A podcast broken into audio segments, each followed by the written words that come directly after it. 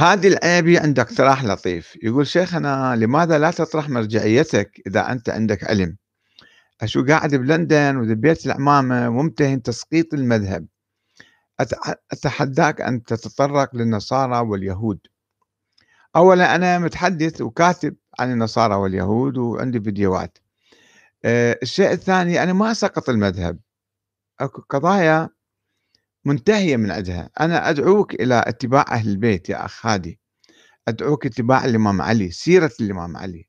سياسته مع الناس سياسته الديمقراطية الشورى اللي كان يؤمن بيها التواضع اللي كان عنده العدل اللي كان عنده آه، محبة الناس. يعني خلينا نتعرف على جوهر مذهب أهل البيت. جوهر مذهب أهل البيت مستمر الآن في مقابل مذاهب الحكام الظلمة والطغاة والمستبدين.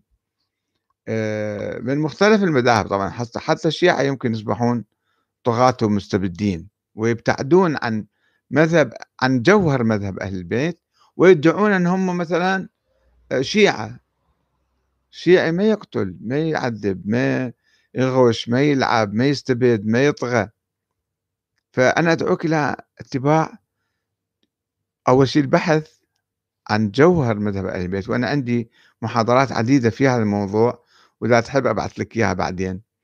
وأنا آه، ما أسقط المذهب في قضايا هي منتهية. نظرية الإمامة نظرية الإمامة ما موجودة حاليا هي ساقطة هي منتهية منقرضة. فأنا شنو أسقطها يعني؟ شنو أريد أسقطها؟ باقي مخلفات من عندها والناس معتادين. عيد الغدير عيد الغدير. شنو يعني عيد الغدير؟ من سواه؟ ما يعرفون.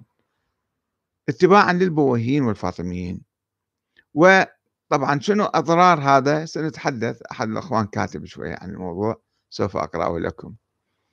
ما يفكر أنه هذا الشيء العادة أو التقليد أو الأسطورة اللي هو يروج لها هذه شنو آثارها؟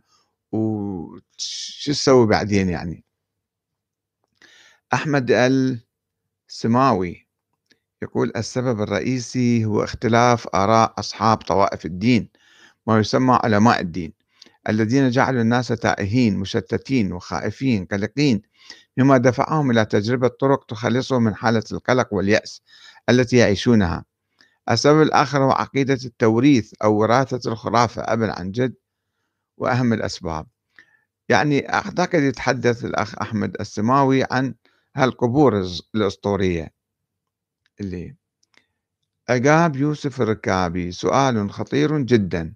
عن ما هي الخرافات التي تحولت عقائد؟ عندنا خليل الصبيحي.